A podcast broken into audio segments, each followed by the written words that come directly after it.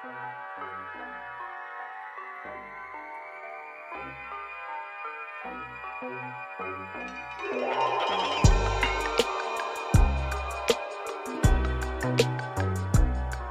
krever ganske mye å stå bare på sentrum scene og eie hele scenen. Samme om det er ti publikum eller du har fullt huset, så føler jeg at så lenge de som jobber i mitt team ser at jeg putter inn minst like mye, så håper jeg det motiverer teamet til å ville være med. Oslo-rapperen Jonas Benjob har i de siste årene gjestet eh, Karpe-prosjektet Omar Sharif, høstet store lovord og samarbeidet med en rekke av landets fremste artister. Under Bylarm i år ble han 500 000 kroner rikere da han mottok prisen Årets stjerneskudd foran et fullsatt Sentrum Scene. Med Karpe-låta Bara Feroz' høstet eh, Jonas Benjob ekstra mye oppmerksomhet eh, den siste halvåret.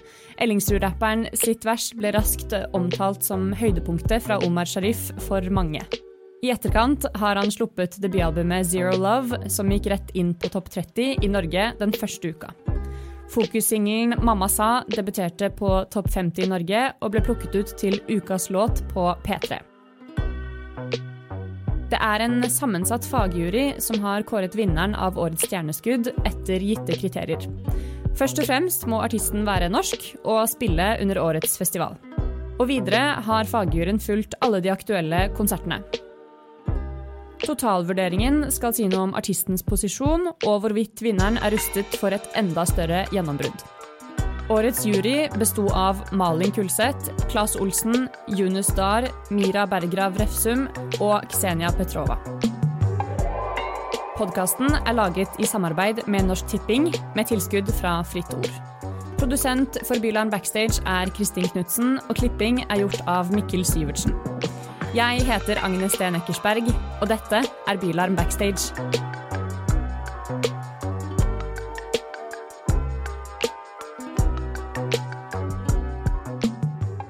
Velkommen til Bylarm Backstage, Jonas. Tusen hjertelig.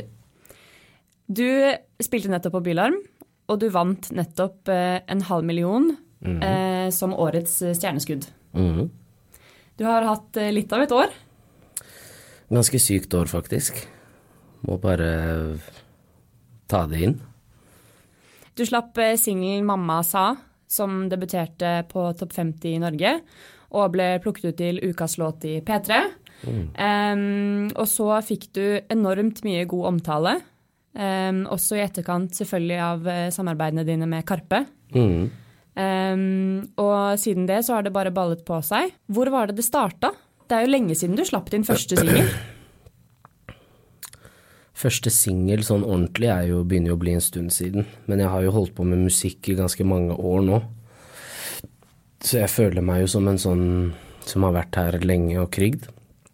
Men eh, første ordentlige og sånn offisielle singel-singel var jo kan, Må jo kanskje være Jom Harayom, da, i 2017.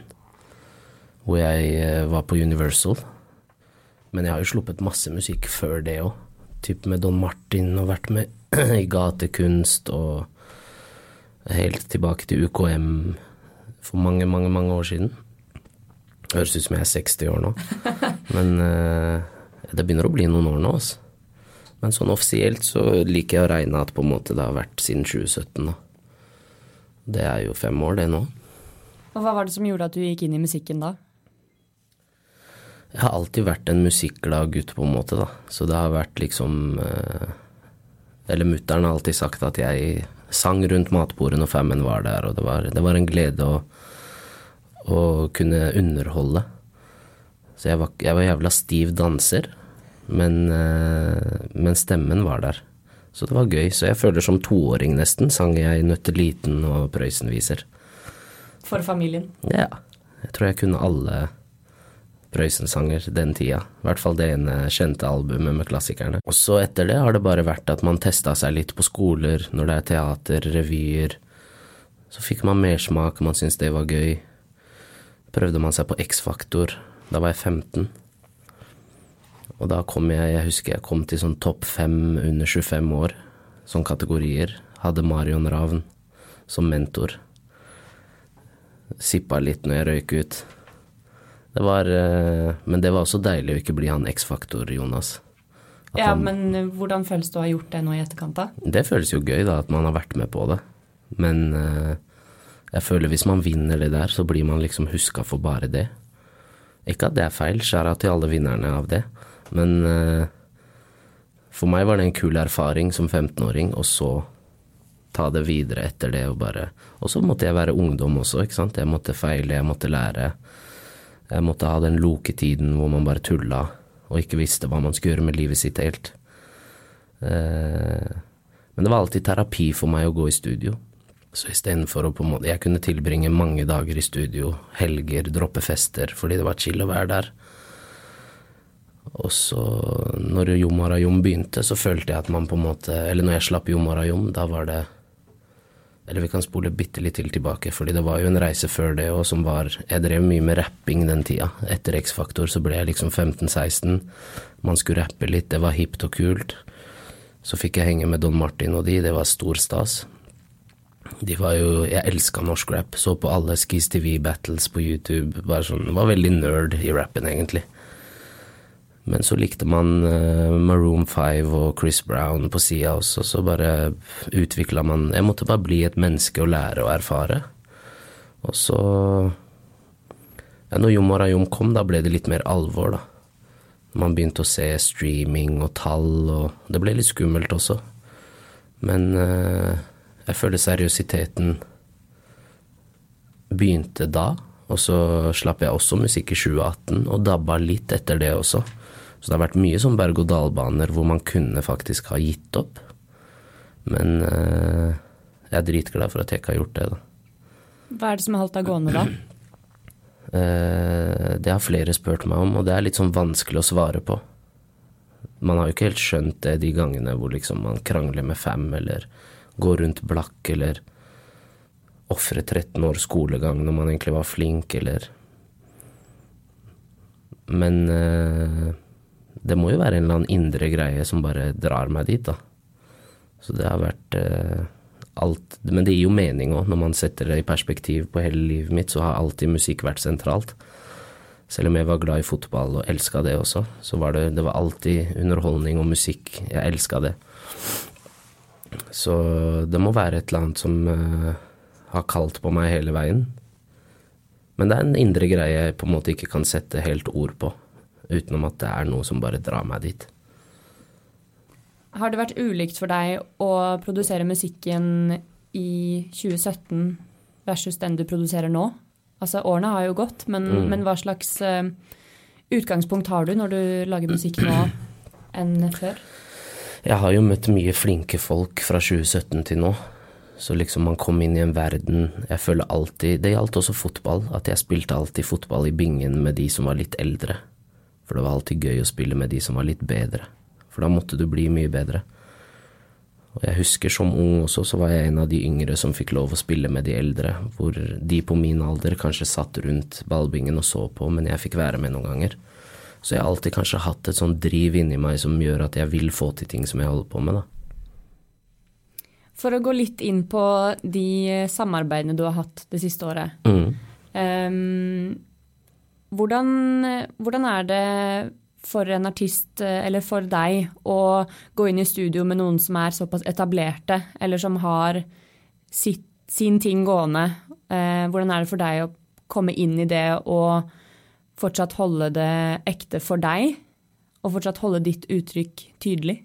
Nei, altså det også har jo på en måte man blitt bedre på med tid, hvor eh, Det har jo tatt meg tid først og fremst hva er uttrykket mitt, på en måte.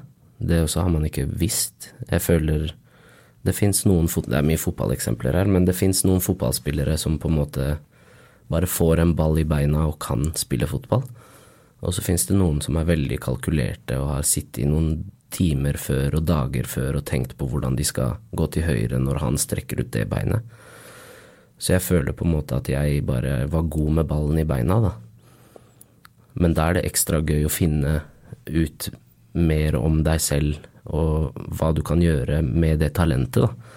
For det er mange, mange talenter i ulike ting, i sport eller i musikk, som på en måte blir spilled talent, som ikke gjør noe med talentet sitt. Og i 2022 så er det ekstra hardt å bare ha talentet. Det, trengs, det, det gjør ikke nødvendigvis at du når toppen med bare talent lenger. Attention spanet til folk er kort. Nå er det en helt ny verden Jeg føler det er skikkelig Det er en helt ny verden å lage musikk i. Med alle sosiale medier og TikTok og alt som på en måte bestemmer hva som trender og ikke.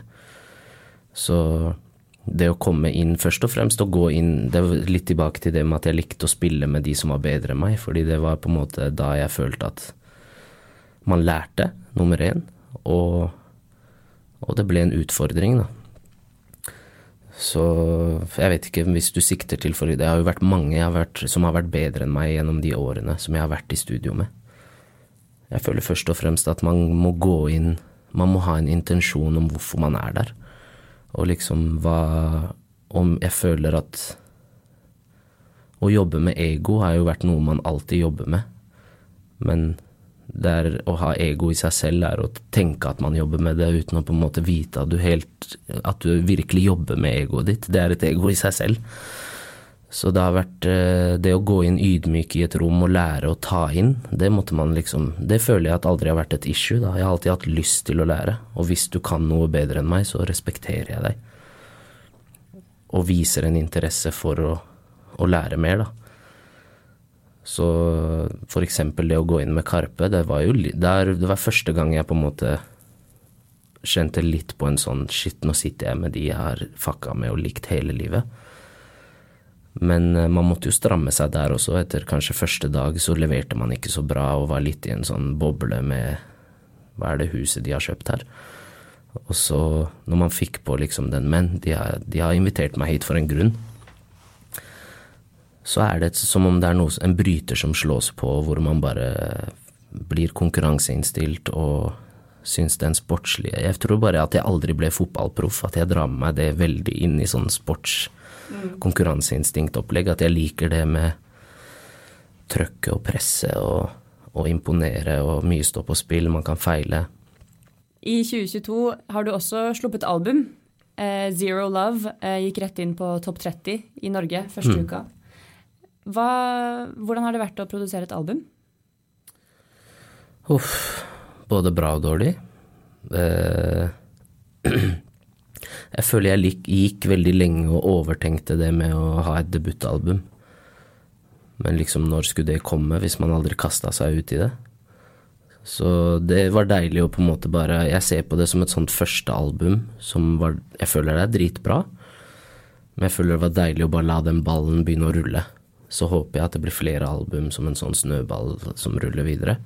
Men uh, det var både opp- og nedturer, ass. Det var mye stress, det var mye tidspress, det var mye krangling uh, om hvordan versjonene skal være. Mye sånn Det er sikkert en vanlig albumprosess for mange som har gjort album mange ganger. For meg så var det første gangen det ble noe eget. Jeg føler jeg hadde sluppet mye musikk før det. Men det føltes ut som et sånn første barn, på en måte. Så det var eh, mest gøy når det var ute. Litt helvete når vi skulle finpusse. Og veldig gøy den kreative prosessen. Men eh, jeg har lært mye av den prosessen òg. Og så føler jeg på en måte man aldri kan forhånds Man tenker alltid at ok, greit, vi brukte lang tid denne gangen, eller vi gjorde sånn, eller vi gjorde sånn, så til neste, nå har vi lært. Og så driver jeg og jobber med singler nå som skal komme til deluxe-skiva av det albumet her. Dere er første som får høre det. Mm, kult. Og så føler jeg bare man sitter nå i finpussing-delen og er tilbake igjen til de traumene man hadde da, og blir sånn faen, ass. Vil du kalle det traumer? Det er jo litt vondt. Ja. La oss si jeg venter på en versjon av produsenten min, og plateselskapet stresser med at de må ha den, for den må inn til master. Eh, produsenten vil ikke gi den fra seg fordi han også har så mye respekt for det prosjektet her og vil gjøre alt for at det skal være perfekt. Så har vi ikke tid, så jobber man med press. Og så ligger jeg både og maser på han og svarer dem og sier ja, jeg slapp av, vi rekker det her. Og så sier han til meg hvor hellig prosjektet betyr, hvor mye det betyr for han. og At han ikke bare vil gi fra seg noe som han ikke er helt fornøyd med, og så er jeg enig i det, og så sier jeg fortsatt til han jeg er dritglad i deg, du er helt rå, men fucking skjerp deg og kjapp, kjapp deg. Jeg blir sånn forvirra i hodet, da. Det er en veldig ekkel state of mind å være i. Eh, men det jeg kom fram til med han produsenten, er jo også at vi snakka mye om liksom hvordan det var sist vi slapp skiva, og hvordan vi nå begynner å At vi kommer litt inn i den samme stresset igjen, men at man aldri på en måte kan forutse hvor lang tid god musikk skal ta. Det er lett for på en måte Et plateselskap må forholde seg til tider. Vi har bestemt datoer. Eh, vi har kanskje en eh, TV-sending å se fram imot som vi skal ha den singelen på, spille den live. Den TV det, det programmet trenger å høre låta og forberede en sending. Det er mange andre i loopen som skal være med å gjøre ting rundt prosjektet men ofte når vi lager det, så er det meg og produsenten som lever i en egen verden. Og så må vi forholde oss til mange andre også, som skal være med å bygge det her bra. Uh, vet ikke om jeg roter mye i det jeg snakker om nå, men det er veldig men sånn Men skulle du helst latt være å slippe musikken din? Jeg skjønner du, det er jo det på en måte spørsmålet blir da, og det vil man jo heller ikke. Akkurat i det tilfellet jeg er i nå, så har det vært sånn man planla én ting mot en f.eks. en TV-sending jeg skal på, og så følte man at man ikke knakk den låta helt, og så krigde man hardt for å få til det. Og så knakk man nesten. Og så må man bare svinge seg rundt og kanskje gå for en annen låt som er mer klar til den TV-sendingen. Så mye blir snudd litt sånn på hodet her og der, da. Men det, er, det viser meg hvor mye både produsenten og jeg og teamet som jobber rundt, bryr seg om det. Men å finne den der strukturen så alle er happy hele tiden og alt går på tid og sånn, jeg tror det rett og slett er helt umulig i musikk. Men ting har skjedd på veien? Ting har 100 skjedd på veien. Og det her var bare en sånn refleksjon rundt uh, en state of mind jeg har vært de siste dagene. Så kanskje han produsenten hører det her og får sjokk, men det er all love til han, liksom. Det er bare Det her er det jeg og han har snakka om mye den siste tida. At det går ikke an å sette en tid på det. Det går ikke an å sette en grense på det. Hva er det du er mest stolt av å ha gjort det siste året, da? Siste året? Mm. Uff, det har vært et veldig flott år, da. Kan jeg bare si én ting? Eller jeg, kan jeg ramse opp Jeg er stolt av ganske mye. Si altså. Jeg er stolt av hele året. Jeg er stolt av at året begynte med å få være med på Karpe sin skive. Eh, som eneste rapperen som var med der i år. Eh, jeg er stolt av at det igjen ble dratt til Spektrum og hel sommer med dem og turnere på festivaler. Jeg er stolt av at jeg slapp min debutskive. Jeg er stolt av årets stjerneskudd på Bylarm. Jeg er stolt av at Femmen har det bra, og at jeg har vokst som person. Nei, faen, det har vært, det, det har vært et dritbra år. Har det tatt tid? Du, blir du utålmodig på sånne ting? Ja, det føler jeg. Jeg er nok en ganske diva å ha med å gjøre også. på hvilken måte? Nei, si det. Jeg veit hvordan eh, tallerkenen min skal se ut med mat på, i hvert fall. Men uh, jeg føler jo at på en måte jeg har så høye ambisjoner at jeg krever veldig mye av de jeg er med òg, da. Men uh, så lenge de som jobber i mitt team ser at jeg putter inn minst like mye, så håper jeg det motiverer teamet til å ville være med. Og, og vil yte alt i sin makt, på en måte, i hver sin posisjon i hvert sitt felt, da. For jeg kan jo ikke gjøre alles arbeidsoppgaver, men jeg håper at jeg ikke blir en Jeg vil Man vil unngå å være han som bare peker rundt. Man vil heller være en som motiverer til at vi sammen kan si fra til hverandre om ting som vi Når en som ikke har noe med på en måte å lage musikken å gjøre, kommer og forteller noe om musikken til meg, så ville jeg kanskje for fem år siden tenkt hvorfor kommer du her og tegner på tegningen min, hva, hva kan du om det her? Mens nå så blir jeg enda mer engasjert i at ok, du, er, du, har gått fra det at du skriver presseskriv til at du faktisk bryr deg om å spørre hvorfor den ene tonen går den veien i sangen. Da skjønner jeg at ok, nå begynner jeg å ha et team som bryr seg om alt rundt det vi holder på med, ikke bare den biten som du er god på. Så det er et godt team for meg, da. Et team som også kan se hva de andre gjør i de andre feltene i, mot samme mål.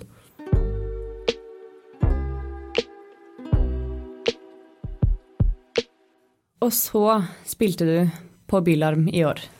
Yes. Hvordan var tiden frem til det? Hvordan var det å forberede seg på å spille på Bylarm?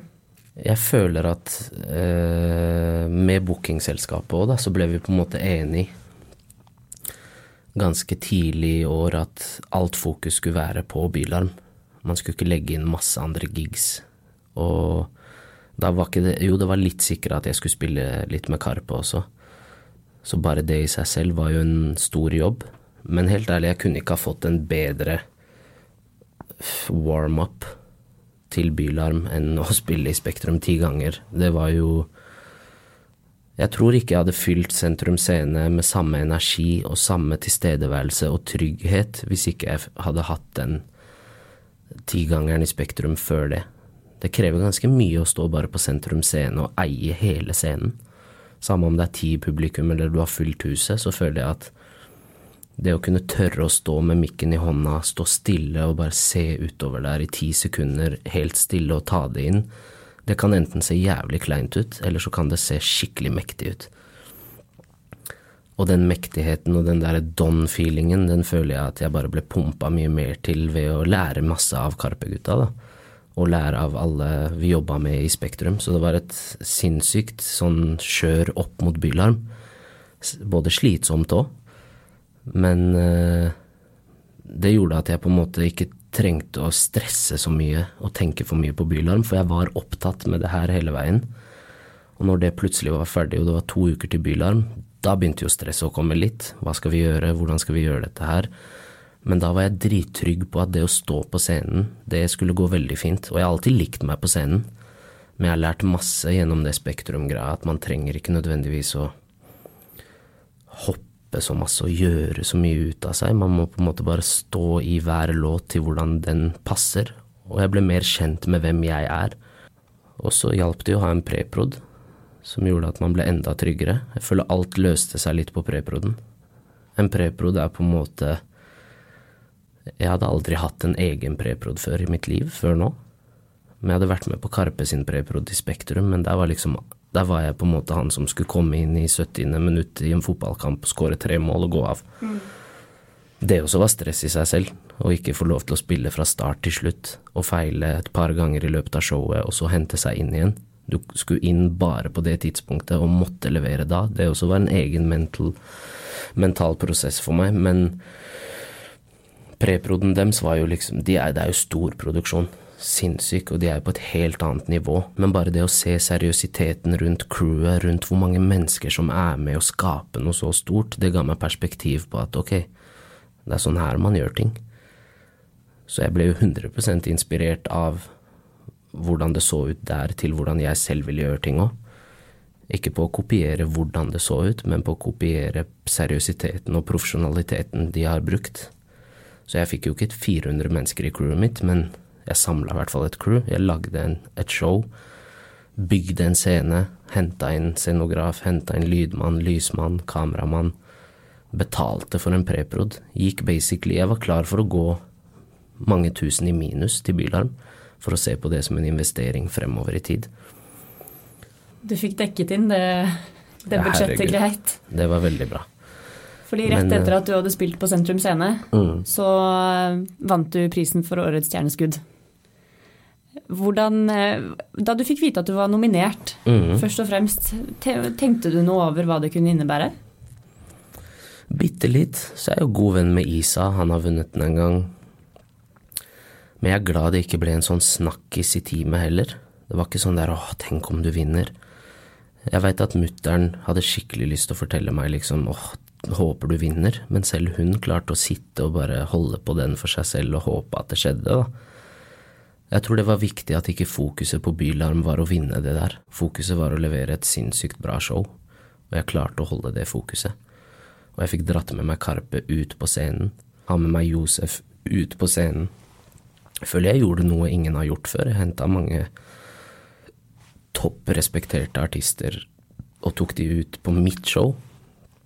Det var det var skikkelig stort å bare være med på hele den greia. Så det å etter at jeg hadde spilt ferdig Sentrum Scene-showet, da er det klart at man tenkte bitte litt på hvem vinner. Og da kunne jeg kanskje lese litt på noen av de i teamet at de var litt stressa. Og så var de litt sånn Du må ikke gå noe sted. Men jeg gadd på en måte ikke å si til meg selv at jeg må ikke gå noe sted fordi jeg har vunnet. Det er sikkert jeg må ikke gå noe sted fordi Og så titta jeg, og det var jo noen andre nominerte som også sto der. Men eh, jeg vet ikke, jeg har sett litt på reaksjonen min når jeg vant. Følte at jeg tok det ganske sånn eh, rolig. Og der er jeg på en måte veldig glad for at ikke jeg datt av stolen helt og Det er jo veldig forskjellig, da. Noen kan jo grine av å se Snurre Sprett slå opp med kjæresten sin. Noen kan Så jeg er veldig takknemlig. Drittakknemlig. Men det var fortsatt for meg bare en liten brikke i et mye større spill. Jeg håper å hente enda mer større bragder enn det i fremtiden. Ikke nødvendigvis i form av penger, men i form av milepæler. Jeg føler det var fortjent. Mm. Rett ut.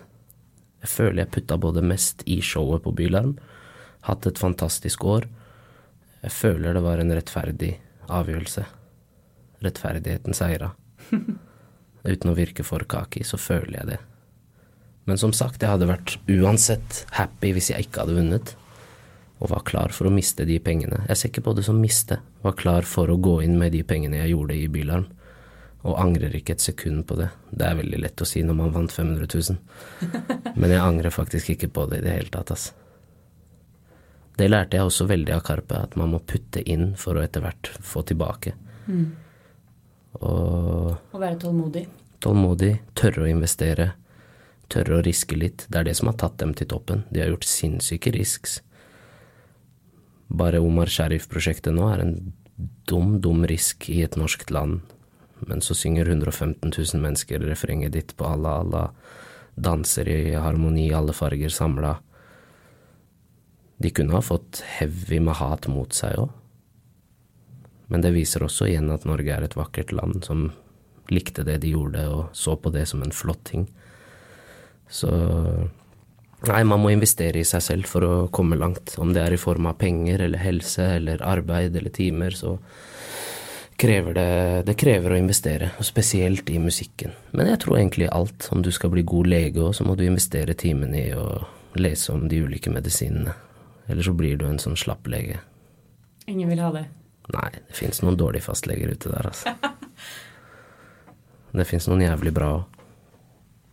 Hva er det du sitter igjen eh, med nå i etterkant av Bylarm, da? Nå har vi jo vært innom alt du har erfart Mm. um, underveis, men, men hva er på en måte det mest Hva er kjernen av etterdønningene av Bylarm? Kjernen er at jeg er enda mer sikker på meg selv live. Det var veldig gøy. Og så føler jeg at jeg fikk noen par meldinger her og der om at folk glemte litt at de var på Byland. Det syns jeg var veldig sånn bra. At det bra. var du som var headlineren? Ja, på en måte at de følte de var på en konsert for meg, bare. Eh, Så jeg sitter igjen med en sånn god mersmak på å glede meg til å spille for flere mennesker live. Jeg gleder meg til å utvikle det showet her enda mer. Bruke pengene fornuftig. Du vet, du har mange venner og familie som er sånn Yes, nå har du egenkapital, din jævel. Nå kan du gå og kjøpe deg leiligheten. Det er ingen som forstår hvis jeg forteller dem at jeg vil putte alle de 500 000 her inn igjen i musikk. Igjen så er det sikkert kriterier rundt alt det. Jeg har ikke fått med meg alt uh, hva man må bruke pengene til og ikke, men se for deg at man fritt fikk 500 000 og bare kunne Det bruke det på hva man ville. Ikke sant? Så faren min for eksempel hadde sikkert ikke forstått hvis jeg nå sa nei, jeg må vente litt med egenkapital. Jeg vil putte det her inn enda mer i musikken. Den avokadoen er best når den er myk. Den er ikke moden enda, skjønner ja, du? Ja. Tusen takk for at du ville komme hit og snakke litt med oss i dag. Takk for at jeg fikk komme.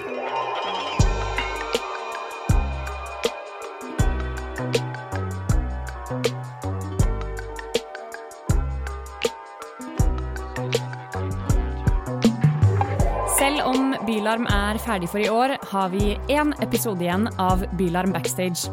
Tusen takk for at du hørte på denne episoden. Vi høres i neste.